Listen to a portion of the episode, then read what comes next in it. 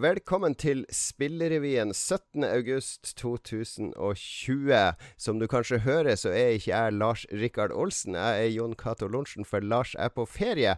Men jeg har vært så heldig å få en uh, fortreffelig vikar. Velkommen, Rune Fjell Olsen. Ja, Tusen takk. Det er bra å få inn en annen Olsen, ikke sant? Det blir lett. Eh, Olsenbanden, mm. tror jeg vi mm. kan uh, kalle dere to. Rune, for de som ikke kjenner deg, jeg tror de aller fleste kjenner deg, men hva er det du holder på med for tida? Nei, For tida, og egentlig forever, så har jeg vært spilljournalist de siste årene som da en deleier sammen med Carl Martin i eget uh, selskap. Så vi driver da Level Up Norge, uh, uh -huh. hvor vi anmelder spill, har podkast uh, osv. Det er livestreams. Så vi er, vi er indie-redaksjon nå, da. Ja, ja, ja. Level Up Norge er jo kanskje, kanskje mest populære spillkulturformidler i Norge, vil du si det? Ja, jeg vet ikke. Hvis man tar over tid, kanskje. Jeg har sett noen ganske ville lyttertall for nerdelandslaget på podkast. Ja. Så det er nok større, vil jeg tro. Kanskje det. Men så er du også i NRK, har du vært nylig. Det har jo vi snakka om her i Spillrevyen. Ja, og der er jeg større enn nerdelandslaget. det er bra. Med Statskanalen i ryggen så blir man stor. Og vi skal hoppe rett inn i uh, nyhetene og uh, noen aktører som det knapt er mulig å bli større enn. Uh, det handler nemlig om Epic Games, som har gått til krig mot Apple og Google. Uh, konflikten uh, sentrerer seg selvsagt rundt verdens uh, kanskje mest populære spill, Fortnite. Det har seg nemlig sånn at Apple og Google krever 30% av alle transaksjoner som foregår på plattformene sine. Og det gjelder også transaksjoner som gjøres i applikasjoner og spill som slippes på disse plattformene. Så hver gang man kjøper noe i Fortnite, eh, virtuell valuta eller noe sånt, så går 30% av pengene du betaler for det, til Apple eller Google. Epic Games åpna for at spillere kunne kjøpe ting i spillet utenom AppStore, og dermed omgå denne betalinga til Apple, noe som resulterte i at Apple umiddelbart fjerna Fortnite fra AppStore, så folk ikke lenger kunne laste det ned. Google har gjort akkurat det samme, og Epic Games har nå levert et søksmål mot begge selskapene. Her er det store kanoner som, som smeller veldig hardt eh, borte i USA. Rune, hva, hva, er det som foregår her? Ja, Det er ganske saftig. Og eh, jeg, jeg syns jo den saken her er litt morsom. Eh, fordi i det øyeblikket Apple fjerna Fortnite fra AppStore, så ble det da levert en gudene vet hvor mange sider lang eh, søksmål. Og nettet var full av en ferdig produsert eh, kampanje, altså Free Fortnite, hashtag Free Fortnite. Ja. Eh, dette dette var Epic godt forberedt på, og det er helt åpenbart hva de prøver å få til her. Det er nøye planlagt av, av Epic, det her, altså. Ja, de lagde også en sånn helt herlig parodi da på, på den uh, TV-annonsen som Apple uh, introduserte sin første Mac med. Uh, hvor, ja. hvor, de skulle da ta ikke sant, monopolet til Microsoft. Og de fikk sånne mm. 1984-vibes og disse tingene her. De har gjort akkurat det samme nå, da. Så dette er da lille, lille stakkarslige Epic mot store, forferdelige Apple, ikke sant? ja. Det er, det, er, det er, ikke noe synd på Epic. Altså, de, de raker jo inn penger. Og, eh, men det handler vel egentlig ikke om at eh, Epic trenger disse 30 prosentene? Nei, da de introduserte Epic Game Store, så, så var, var, jo det en av de tingene som, uh, som de hadde i ryggen, var jo at de tok 10% cut av ja. spillsalg kontra da Steams eh, rundt 30 uh, mm. Og da, da, var de på en måte på utviklernes side. De mente det var en mer, mer rettferdig fordeling av de inntektene som, som kommer fra spillsalg. Uh, mm. så, så, sånn sett så kan man jo si at de kjemper på en måte den gode sak. Og jeg er jo enig på en måte i premisset her. Det er jo hyggelig hvis uh, mer av disse pengene går rett til utviklere. men samtidig, dette er jo en business da, Jon Cato. ja, ja. Så du ser jo at um, Altså Dette er jo ikke offentlige tall, men det er jo beregna at uh, Apple tjente rundt 50 milliarder dollar på AppStore i fjor. Uh, og da satt de igjen med en cut på 15 milliarder dollar. Hvis Epic da uh, kommer gjennom med sin kampanje, så sitter de igjen med 5 milliarder dollar. Det er fortsatt sjukt mye penger. Og jeg kjenner at liksom det politiske i meg skriker litt at disse pengene Det er nok penger! Det er nok penger, folkens. Det, fem milliarder ja. er nok. ja, men, men man, man, kan jo se litt uh, bredere på det òg. Altså, det er greit nok at Epic håver inn penger, og at, at om det er 5 milliarder eller 50 milliarder eller sånne ting. Men når det gjelder de mindre utviklerne, sånn som oss i, i Krillbite eh, har alt, Vi har jo alltid betalt 30% til Sony, til Microsoft, til uh, Steam. Altså Det er bare sånn det er. Mm. Uh, jeg, når jeg får disse rapportene fra de, så ser jeg jo nesten egentlig ikke den cutten. Det er jo bare den der bottom line jeg ser. Men hvis jeg regner på det for Krillbite sitt vegne, så er det jo Hadde vi betalt 10 i stedet for 30% så hadde vi jo tjent tre, nesten 3-4 millioner kroner mer de siste fem årene, som kunne ha gjort at vi kunne ha ansatt to-tre personer til i de siste fem årene. ikke sant? Så for en liten utvikler, og vi har ikke den enorme omsetninga som Epic har, så er den cutten utgjør faktisk noe. Uh, den utgjør arbeidsplasser og, og risiko og, og, sånne ting. Så hvor, hvorfor ligger det på 30 Hva var det som fant ut at uh, en tredjedel er rettferdig? Argumentet da, til uh, disse storefrontene blir jo at salget er stort fordi vi har en veldig populær og god plattform. Hvor spill blir pusha, hvor folk oppdager spill, og hvor spill selges. og de kan da kanskje også argumentere for at salget kanskje da ikke ville vært like høyt hvis det var på en mindre mindre tilgjengelig plattform. da, Mindre populær plattform.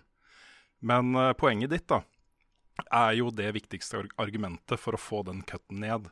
Uh, mm. Med en lavere cut til disse plattformene så sørger jo det for en større bredde i spillmediet. Uh, for at mange mange, mange studioer kanskje går i null eller litt i pluss istedenfor uh, å gå i minus på lanseringer. Så det hadde vært utrolig positivt hvis den cutten ble lavere. Det er det ingen tvil om. Over til islandske CCP, det absolutt største spillselskapet på Island. De har i samarbeid med kinesiske NetEase lansert online-rollespillet EVE Online for mobiltelefoner. EVE Online ble opprinnelig lansert i 2003 for datamaskiner, og har blitt videreutvikla og utvida siden da. Mobilversjonen av spillet inneholder det aller meste fra PC-utgaven av spillet, men er da tilpassa mobiltelefoner. Jeg vet ikke åssen det er med deg, Rune, men EVE Online er et sånt spill som alltid har fascinert meg. Som jeg har spilt litt av og på opp igjennom. Aldri så mye at det har vært skikkelig investert. Men det er et sånt spill som det er utrolig morsomt å lese om. Jeg er helt enig. Jeg, mitt forhold til det er enda mer distansert da, enn ditt, for jeg har ikke spilt det et sekund. Eh, men jeg har lest masse om det, og mange av de beste tekstene om spill eh, som jeg har lest da, de siste årene, har jo vært fra EVE Online og det universet som er skapt der av uh, spillerne. Er utrolig fascinerende, altså. Ja, for det, de, i motsetning til mange andre online-rollespill der det egentlig er en veldig sånn der uh, rigid lekegrind, der uh, utviklerne og, og, de som har laga spillet, legger veldig tøyle på hva man kan gjøre, og spesielt hva man kan gjøre mot andre spillere. Så EVE Online Det har liksom ingen sperre her. Altså, økonomien i spillet blir styrt av spillere. Spillere tar kontroll over systemer. Du kan være uheldig og reise litt feil med den frigatten som du har investert eh, flere måneder av ditt liv på å få bygd, og miste den fordi at du, du reiser til feil system. Så, så det er et helt nådeløst spill, og det er jo noe av det som skaper alle disse dramatiske historiene. Jeg, jeg synes Det som jeg liker best med det spillet, er jo at hvis du, hvis du ser på, på, de største science fiction-tingene fra litteratur og film osv. Eh, opp igjennom, mm. uh, så er det jo gjerne sånn at den er utrolig delt inn i factions. Altså Du har liksom en faction som står for det, en som står for det, en som står for det osv., og, så videre, og så er de i konflikt med hverandre. Um, det er på en måte en slags speiling, da, liksom EU mot USA mot Kina mm. uh, og sånne ting. Men, men på en måte i en sånn science fiction-setting så blir det litt annerledes. Og her har jo spillerne skapt disse uh, grenselinjene selv. Her har de mm. lagd factions. Her har du Det har utrolig mye å si for opplevelsen uh, hvem du velger å alliere deg med. Uh, og så driver de da og kriger mot hverandre og samarbeider og dolker hverandre i ryggen og alle disse tingene her. Jeg syns ja. det er kjempegøy. Ja, det er ganske unikt at, at, spillerne står for dramaturgien og historien. At det ikke er noen mm. sånn der eh, narrativ eh, regissør hos spillutvikleren som pusher historier på spillerne, men at de oppstår helt organisk i spillet. Og nå er det altså ute på mobil. Det heter Eve Echoes, og det, eh, det er ikke det foregår ikke på samme servere som PC-spillet da, så det er på en måte en sånn fresh start. Alle starter med blanke mm. ark og en ny karakter, og man har muligheten til å, å, bygge eh, seg ut i dette universet helt fra scratch. Er det noe som frister deg på mobil, eh, Rune? Altså, Det er bare én ting som stopper meg, og det, er, det samme gjelder jo mange andre spill, men det er tiden. Jeg vet man må investere i denne typen spill for å få noe skikkelig ut fra det ut av det. Mm. Og det er jeg, det, jeg, har ikke tid, rett og slett. Men jeg har veldig lyst. Og jeg ja. tror det vi ser her, er jo på en måte starten på uh, virtuelle verdener. Og hvordan eh, folk uh, lever i dem, uh, hva de gjør i dem, hvordan de forholder seg til dem. det er på en måte de første skrittene inn i en fremtid da, som jeg syns er veldig spennende. For jeg tror jo det at vi kommer til å dele tiden vår mellom den virkelige og den virtuelle verdenen, kommer til å bli vanlig da, for alle. Um, Men jeg er ikke helt der ennå. Jeg har, jeg har, ikke plass til et spill som, eh, som Eve Echoes eller Online eller World of Warcraft i livet mitt akkurat nå. Dessverre. Det skjønner jeg. jeg for min del så syns jeg det er smått genialt at de har gitt ut for mobiltelefoner og tablets, fordi EVE Online, de periodene jeg har spilt det, det har vært et litt sånn spill som du må logge inn på to-tre ganger om dagen for å sjekke skills du trener, kanskje bare for å reise et sted. Eh, altså Noen ganger så vil du spille over lengre tid. Så det å ha det på mobil gjør det Altså Det er et spill som egner seg til å spille i sånne korte femminuttersbursts her og der, mm, hvis du driver og planlegger ting eller er med i en større guild eller noe sånt. Så jeg, jeg tror det kan bli ganske stort på mobil, og så syns jeg det er ganske gøy at et så komplisert og avansert spill er på uh, mobile plattformer. Ja, Du er i ferd med å selge det til meg nå, altså. Det, jeg så det lå der, skjønner du. Og var sånn hm, Skal det, skal det? Jeg har stått over den knappen mange ganger. Det gjelder både EVE Online og uh, Elite Dangerous er et annet spill som også mm. frister meg veldig, altså. Så kanskje, da. Kanskje. Xbox One Series X lanseres i november. Det er den ene av disse to uh, neste generasjonskonsollene uh, som, som, skal komme til jul. Den andre er jo da PlayStation 5. Men nå virker det som at konsollen kan bli lansert uten eksklusive lanseringstitler. Flaggskiptittelen Halo Infinite har nemlig blitt utsatt til 2021. Kanskje pga. masse negative tilbakemeldinger fra fans på nettet som har kritisert eh, spesielt grafikken. Var grafikken så dårlig i Halo Infinite, Rune? Nei, men det var litt spesielt også, fordi jeg er jo en, en stor Bungie-geek. Uh, uh, jeg er mm. veldig glad i Bungie og veldig glad i Halo. Og hadde forventa at uh, den første store avdukingen av det spillet skulle røre mer i meg. Ja. Uh, men den var liksom litt bland. Litt sånn Følte jeg hadde sett det før. Det var ingenting der som gjorde at jeg virkelig hoppa i taket. da. Uh, mm. Det så bra ut, men det, det var ikke noe sånn killer-opplevelse for meg. og den følelsen tror jeg mange satt med, altså. Så kanskje. De, de, sier jo da at det ikke har noe med det å gjøre, at det er covid og sånne ting. Men jeg, jeg tror nok jeg tror nok kanskje de ville pusha litt hardere for lansering eh, med konsollen hvis, eh, hvis mottagelsen hadde vært litt mer ekstatisk. Altså, hvis de hadde sluppet det spillet sammen med konsollen, så hele den konsollen ville blitt bedømt på hvordan det spillet ser ut og kjører og, og, oppleves, ikke sant? Akkurat som Halo 1 ble en fantastisk flaggskiptittel for den første Xboxen, fordi det, det hadde et grafikk og et gameplay som virkelig var revolusjonerende da det kom. Mm. Nei, Det er ikke noe tvil om at et, eh, et veldig veldig bra uh, Halo-spill ville solgt mange Xbox eh, Series X-konsoller. Men uh, det er vel viktigere at det blir bra når det først uh, kommer. Men er det, er det liksom ingen uh, konsolleksklusive spill som kommer til lansering nå? Nei, Det gjør nok ikke det også. Så Rent bortsett fra da, at uh, mesteparten av dette kommer til å komme på PC også. Uh, mange liker jo å poengtere det. Uh, -huh. -hmm. Men for konsollen er det jo et par ting som jeg tror kan bli innmari kult. det ene er The Medium. Som er dette horrorspillet hvor du veksler mellom to tidsperioder og, og sånne ting. Um, mm. Og så er det et utrolig, utrolig lovende og spennende indiespill som heter The Artful Escape. Kommer okay. vel også til lansering. Um, og dette, dette, er jo bra greier, tror jeg, da, som, uh, som uh, kommer til å, mange kommer til å like, men som ikke nødvendigvis da kommer til å selge masse konsoller i seg selv. Mm. Så, uh, og så vet vi jo at de skal ha flere announcements utover høsten. det kan jo hende at de sitter og ruger på et eller annet, men jeg tror nok at det meste av kruttet spares til 2021 og 2022 også. Det er vel ganske vanlig at konsoller lanseres med såkalte system sellers, uh, Rune. Men ser du for deg at disse to spillene du nevnte, liksom er nok til å selge konsollen?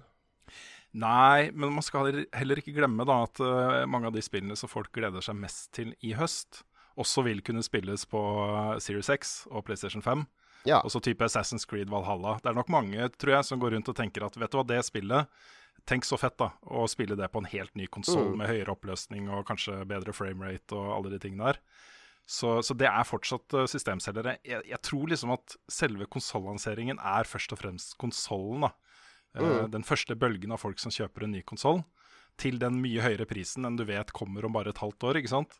Mm. Uh, det er nok de som har lyst på konsollen, først og fremst, tror jeg. da. Så jeg er ikke så opptatt av launch-lineupen, altså. Og, og, så er det ikke til å stikke under en stol at det Microsoft kanskje er aller mest opptatt av, er ikke uh, konsollene, men tjenesten GamePass, som, uh, som er i ferd med å bli veldig viktig for dem.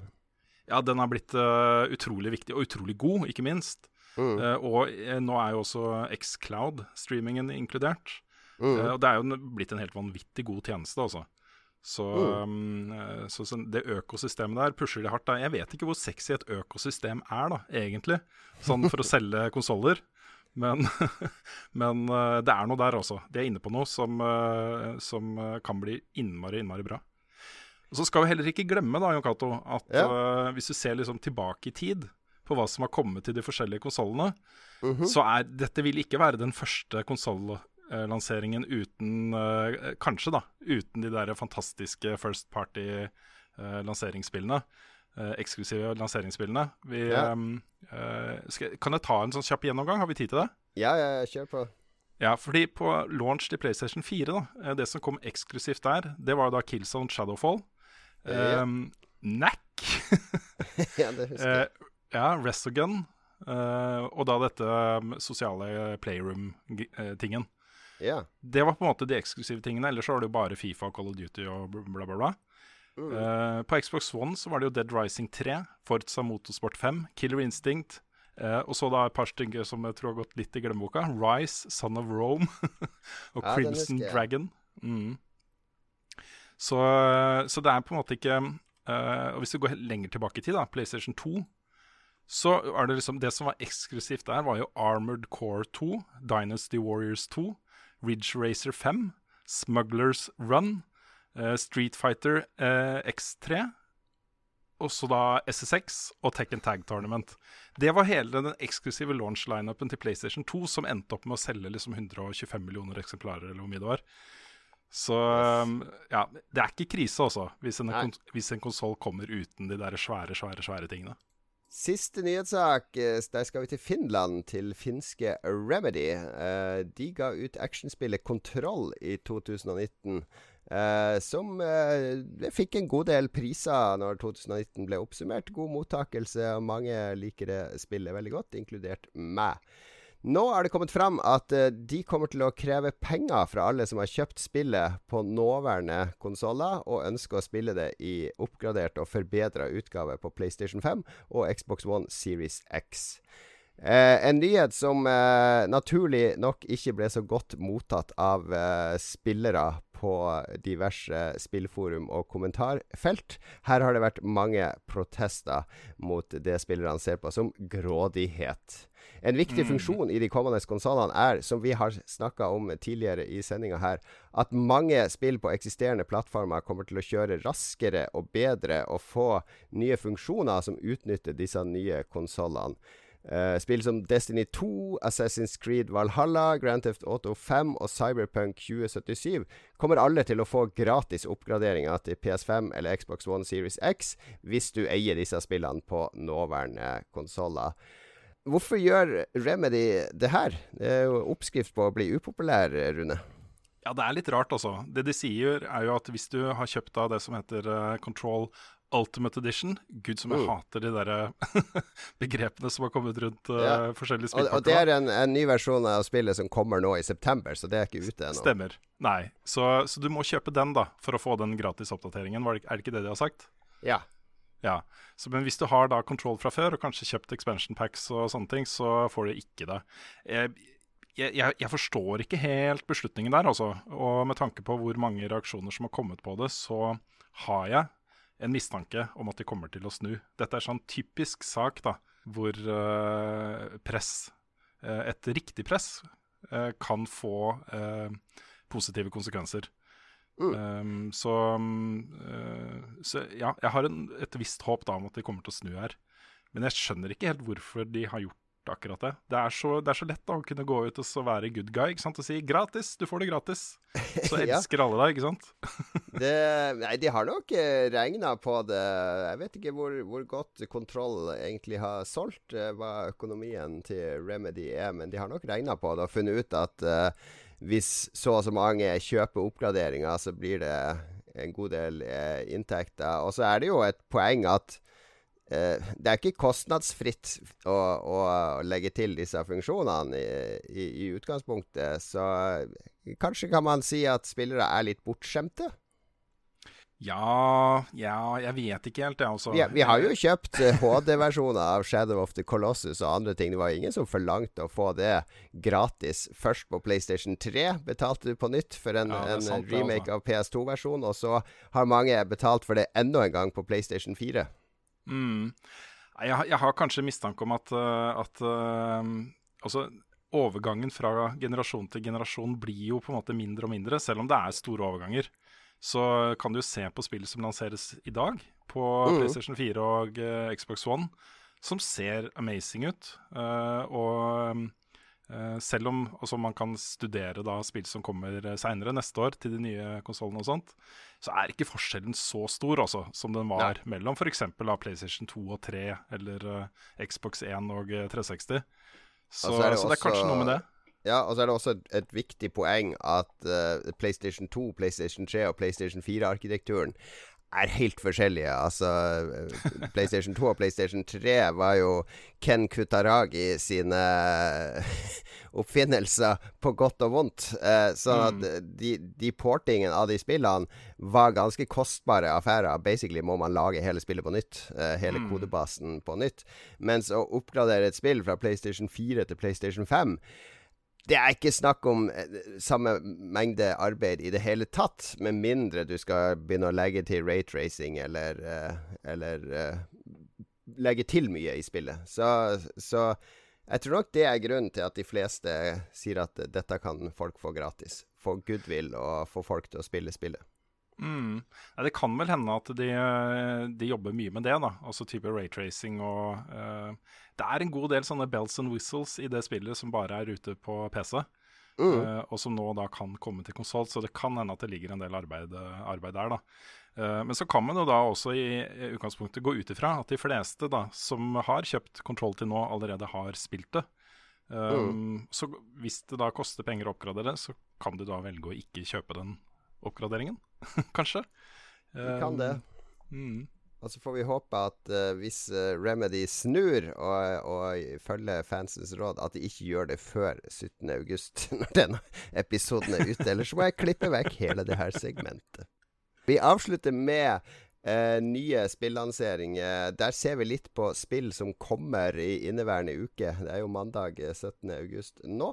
Eh, og der eh, Vi henter fram de spillene vi, vi, mener fortjener å bli nevnt. Og det er fire spill som kommer denne uka. En ganske stappa uke med interessante spill. Ja, høsten begynner nå, Jon Cato. Ja, høsten begynner nå. Eh, Microsoft Flight Simulator 2020, utvikla av Asobo i Frankrike og gitt ut av Microsoft, selvfølgelig er et spill som det er mye hype knytta til. Her er det mange eh, PC-spillere som har oppgradert PC-er for å begynne å fly. Er en helt magisk opplevelse. Og siden den her kommer ut etter klokken 09.01 på mandag, gjør den det, Jon Cato? Den podkasten her? Jeg kan publisere den 09.01, ja. så uh, er jo det uh, embargoen på, på anmeldelser. Og jeg, jeg syns spillet er amazing. Og jeg er ikke noe flysim-fantast i det hele tatt. Jeg sitter mm. ikke med, med, flykontrollere og alt det der. Uh, jeg er opptatt av å fly. Uh, ja. Av å se jorden fra luften, på en måte. Og ja. det, er, det, er, det, er, nesten magisk hvordan det føles i det spillet. Jeg, jeg, sitter og spiller det nå, jeg òg. Jeg har også en anmeldelse som skal ut mandag. Men i motsetning til det, så har jeg jeg måtte kjøpe meg en sånn USB-switch, for jeg har så mye utstyr kobla til eh, med både ratt og throttle og pedalsett eh, og headtracking. Og jeg koser meg med den komplette immersion som spillet ja, gir. At jeg altså. føler at jeg sitter i en cockpit og flyr over Harstad. Ja, så Microsoft sendte to svære bokser med forskjellige eh, flykontrollgreier. Mm. Uh, som, som, jeg har Jeg skal jo teste det en gang. Ja. Um, fordi dette her, det her tror jeg kommer til å bli en sånn uh, avslapningsgreie for meg utover uh, i årevis, kanskje. Bare ja, hva med å ta en flytur over et eller annet sted jeg ikke har vært, eller uh, gjenbesøke steder jeg har lyst til å se igjen, eller et eller annet. da. Også så perfekt i disse koronatider, når vi ikke mm. skal reise noe som helst sted. Eh, jeg har Microsoft Flight Simulator. Jeg kan reise hvor jeg vil under korona. Du kan det, vet du. Det er så bra. Et annet spill som har fått mye hype etter at det hadde en beta gående i sommer, er et spill som heter Mortal Coil, som kommer fra Cold Symmetry. Har du fulgt med på det spillet? Oh yeah. Du, jeg fikk meg betaen dagen etter at den var over. ah. ja, det, det, er eh, sånn Dark Souls-aktig eh, greier. Virker som nesten som en rip-off av Dark Souls. Ja, det er, det er veldig likt, da. Mm. Uh, men det er jo sånn at uh, vi som er glad i Dark Souls vi vil jo gjerne at det skal komme til et nytt Dark Souls-spill hver eneste måned. Mm. Uh, så for min del, hvis det ligner veldig på Dark Souls og er bra, så er ikke det så farlig. Så, um, uh, så jeg gleder meg veldig, altså. Jeg skal til og med ta ut litt ferie nå neste uke og uka deretter. Uh, ja. Rakk ikke å ta ut nok i sommer, og da er liksom Det er dette spillet da som det skal gå i. Spennende. Jeg gleder meg til å høre hva du mener om det i eh, Level Up. Og så har vi et norsk spill som kommer neste uke. Det er uh, per Perfectly Paranormal, uh, gjengen i Hamar som sto bak uh, det hysterisk morsomme Manual Samuel, som kom for et par år siden. Nå er de ferdig med Hellheim Hassle, som er et slags adventure-spill foregår i vikingtid, der du styrer en person som kan ta av og på kroppsdeler. Hysterisk. Jeg er, eh, er veldig eh, glad i uh, både Manuel Samuel og, uh, og det selskapet. Uh, mm. Jeg syns Aasan er en Han har en sånn humor som er veldig unik, da. det er ingen, ingen, som ligner på Aasan. Vil, vil, du si at Aasan er Norges Tim Shafer? Ja, han er jo det. Gi han litt flere år på bakken, så blir han det. ikke sant? Nå er han mer en sånn uh, yngre versjon da, av Team Shafer. For Team Shafer har jo den derre tyngden, ikke sant. Han ja, ja, hjelper indieutvikler og alle de tingene. Uh, men han er genuint morsom, og jeg følger også YouTube-kanalen hans, hvor han legger ut uh, Let's Play-videoer og herlige, herlige greier, altså. Så um, de er en herlig, herlig gjeng, hele det studioet. Så vi heier på de 19. august, altså. Og til slutt, 20. august, så er det et eh, gammelt Rare-spill som kommer ut i oppussa versjon. Det er nemlig Battletoads. Eh, et spill som eh, vel oppsto i kjølvannet av Ninja Turtles. Her er det padder som går rundt på to ben og slåss. Og jeg har vel egentlig rykte på seg for å være et av verdens vanskeligste spill. Var du en stor Battletoads-fan, Rune? Nei, ikke i det hele tatt. Der har jeg ingen innsikt å komme med i det hele tatt, faktisk. Så, det har ikke jeg heller. Men uh, vi vet jeg har en stor fanskare, så da kan de glede seg til Battletoads. Det var det vi hadde i denne ukas Spillrevyen. Tusen takk for at du kunne steppe inn som vikar, Rune. Du, Det er bare hyggelig. Jeg syns det er kjempegøy da å være gjest i podkaster som jeg hører fast på selv. Jeg syns dette er en kjempebra podkast, så, så det er morsomt.